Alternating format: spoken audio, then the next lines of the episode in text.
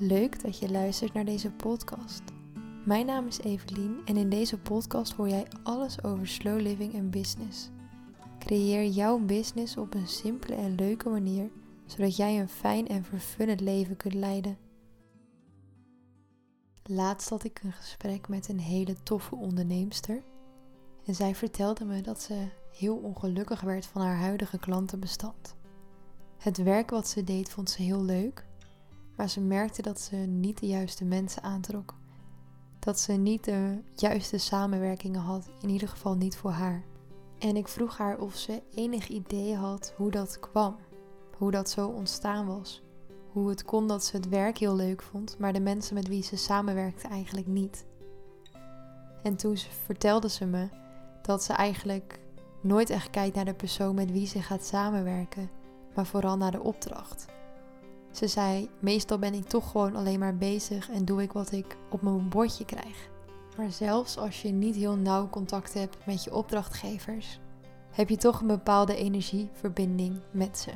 En als dat niet goed voelt, dan kan het best wel lastig zijn om die opdracht op een leuke manier te voltooien. En ik weet dat er veel meer ondernemers zijn die hiermee struggelen. Die bijvoorbeeld ja zeggen tegen elke klant die voorbij komt, omdat het in ieder geval inkomsten oplevert. En als jij hier ook mee struggelt, dan ontvang je nu een virtuele knuffel van me en vertel ik je: het komt beter. Want geloof me, het kan echt anders. En ik spreek hierbij uit ervaring. In mijn vorige onderneming heb ik een klant gehad van wie ik ontzettend heb mogen leren. Dankzij haar weet ik welke klanten ik nooit weer wil hebben. Het plezier in ondernemen was namelijk in één klap weg. En dat gebeurt namelijk als je met zulke klanten werkt. Ze was best wel een grote klant en via haar haalde ik daardoor ook het grootste gedeelte van mijn inkomen binnen. Een van de redenen waarom ik de samenwerking eigenlijk niet durfde te stoppen. Want ik was bang dat ik nooit meer zo'n grote klant zou vinden. Zoals je waarschijnlijk al hoort, was het echt geen fijne samenwerking. Toch ben ik echt super dankbaar dat ik met haar heb mogen samenwerken. En dat klinkt misschien gek, maar ik heb echt ontzettend veel over mezelf geleerd. En niet alleen maar over mezelf, maar ook over anderen. Ik heb namelijk altijd een soort van onderbuikgevoel bij klanten. En bij deze klant was dat onderbuikgevoel al niet heel positief. Ik had al een beetje zoiets van: is dit wel iets wat ik moet doen? Maar uiteindelijk heb ik het geld laten winnen van mijn gevoel. Dat is dus iets wat ik nu nooit weer zou doen. Want als je je geld niet op een fijne manier verdient, dan is het het gewoon niet waard. En weet dat je beide kunt hebben, hè? Je kunt zowel veel geld als een fijne samenwerking hebben. Dus je hoeft niet te settelen voor minder. En bevind jij je nu in dit schuitje? Heb jij ook een vervelende klant? Of vind je eigenlijk je gehele klantenbestand op dit moment niet leuk? Dan wil ik je allereerst zeggen dat het oké is. Het is oké dat jij je nu in deze situatie bevindt. Het zegt niets over jouw kwaliteit als ondernemer. Het betekent niet dat je nu gefaald hebt of dat ondernemen niet voor jou is weggelegd. Het is gewoon een les die je mag leren en het is alleen maar fijn dat je deze les nu te leren krijgt. Maar hoe ga je er dan mee om? Hoe zorg je ervoor dat je juist hele leuke klanten gaat aantrekken? Alleen nog maar met leuke mensen gaat samenwerken. Er zijn meerdere manieren waarop je dit kunt aanvliegen. En in deze podcast ga ik er even een paar benoemen die je kunt inzetten. Allereerst zou je kunnen kijken naar je droomklant. Omschrijf eens hoe jouw droomklant is. Aan welke voorwaarden moet jouw klant voldoen? Welke eigenschappen moeten ze bezitten? Of juist totaal niet? Op deze manier kun je jouw droomklant gaan formuleren. Vervolgens is het de kracht om jouw boodschap zo te formuleren dat je daarmee deze droomklant gaat aantrekken. En dan is het nog de kunst om nee te leren zeggen tegen iedereen die niet aan de juiste voorwaarden voldoet. En vooral dat laatste kan erg lastig zijn. Een klant die goed geld wil betalen, kan heel aantrekkelijk klinken. Maar weet dat wanneer jij niet samenwerkt met de juiste mensen, jij je nooit volledig op je gemak zult voelen. En dat je dan dus ook nooit 100% gelukkig gaat zijn in jouw bedrijf. En uit ervaring kan ik zeggen dat dat ook gewoon niet fijn samenwerkt. In een samenwerking die niet goed voelt, kom je nooit tot het allerbeste eindresultaat. En dat is zowel voor jouw klant als voor jou gewoon heel jammer. Want jullie verdienen beide gewoon beter. Als je het lastig vindt om je droomklant te formuleren, kun je ook kijken naar de eigenschappen van de klanten waar je nu mee samenwerkt. Waarom vind je de samenwerking of samenwerkingen die je hebt lopen niet leuk? Wat maakt dat het niet goed voelt? Is er bijvoorbeeld een bepaalde manier van communiceren die je niet fijn vindt? Of is het een bepaalde energie die deze mensen uitstralen? Zijn ze heel erg negatief of reageren ze laat of reageren ze juist snel en verwachten ze dat jij hetzelfde doet? Bekijk gewoon heel goed wat er voor jou wel en niet werkt en vooral waarom dat zo is. Want als jij heel goed weet wat je niet wil, kun je uiteindelijk toewerken naar wat je wel wil. En op die manier kun je dan je droomklant gaan formuleren. Er zijn namelijk altijd eigenschappen die je wel of niet fijn vindt werken. Ik vind het bijvoorbeeld heel belangrijk dat ik met mensen werk die heel goed over zichzelf durven en kunnen reflecteren. Want ik geloof namelijk dat dat een bepaalde skill, bepaalde kracht is die je verder gaat brengen. Ik wil bijvoorbeeld totaal niet samenwerken met mensen die de schuld altijd bij een ander leggen, die de schuld geven aan bepaalde situaties of omstandigheden.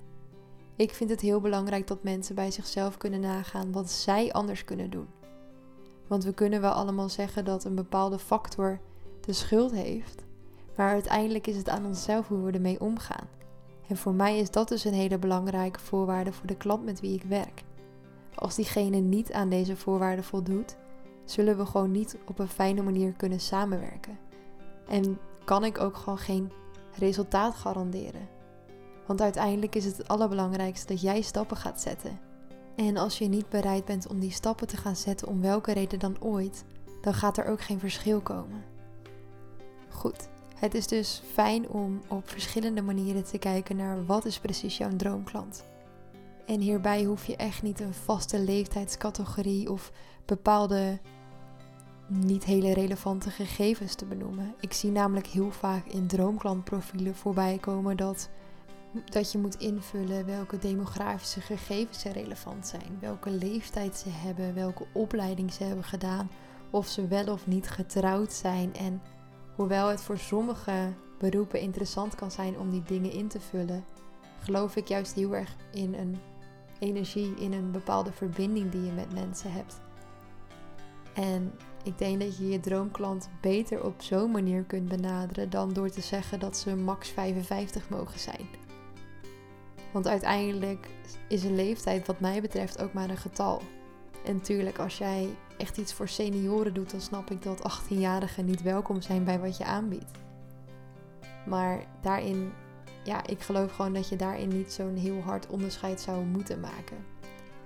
En tegelijkertijd geloof ik er wel heel erg in dat het goed is om je doelgroep specifiek te houden. Maar dat kan dus op heel veel verschillende manieren en daarin moet je gewoon een manier gaan creëren en vinden die voor jou fijn voelt. Ik ga niet zeggen dat je geen demografische gegevens aan je klant mag ophangen. Maar doe het vooral omdat jij het belangrijk vindt en niet omdat het ergens staat geschreven. Vervolgens benoemde ik dus dat je je boodschap zo mag gaan uitdragen dat je daarmee je doelgroep aanspreekt. Misschien denk je nu, hoe doe ik dat dan? Hoe zorg ik ervoor dat ik in mijn communicatie de juiste mensen aanspreek? Om even een voorbeeld te geven, stel dat je duurzame kinderspeelgoed verkoopt. Dan kun jij in je communicatie bepaalde termen gebruiken waarmee je de juiste mensen aanspreekt.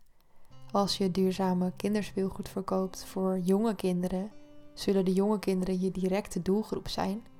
Maar dat zijn niet de mensen die waarschijnlijk bij je kopen. Dat zullen hun ouders, verzorgers, familie en vrienden zijn.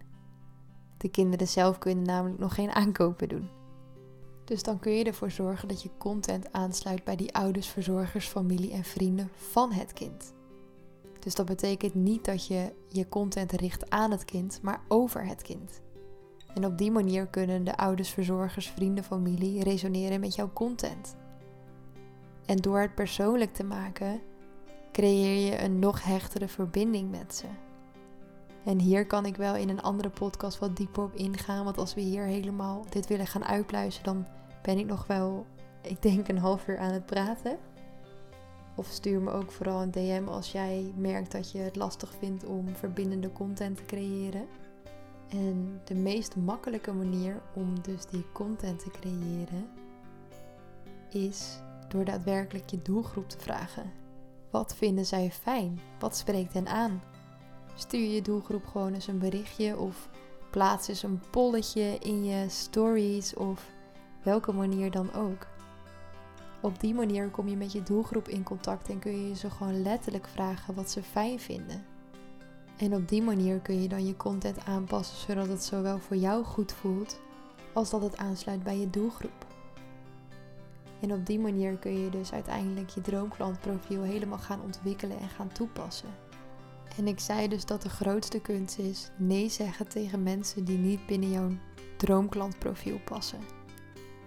En als je dit lastig vindt en je werkt bijvoorbeeld met kennismakingsgesprekken, die je normaal eigenlijk afsluit met een positief of negatief bericht, dus we gaan samenwerken of we gaan niet samenwerken, zorg dan dat je jezelf in die tussentijd wat ruimte geeft. Zeg bijvoorbeeld bedankt voor het leuke gesprek. Ik neem uh, telefonisch, via de mail of wat dan ook contact met je op binnen één werkdag. Als dat voor jou helpt om beter na te denken of iemand wel of niet bij je past, dan is dat helemaal oké. En uiteindelijk kun je jezelf dan zo ontwikkelen en jezelf zo aanleren hoe je met bepaalde situaties om moet gaan, dat het uiteindelijk niet meer lastig is om nee te zeggen. Dat je uiteindelijk weet waarom je nee zegt, omdat als jij nee zegt tegen de een, kun je ja zeggen tegen iemand anders. En die iemand gaat 100% beter bij jou passen. En dat wordt 100% een leukere samenwerking. Voor zowel jou als voor die klant. Want jij bent niet de enige die die wrijving voelt.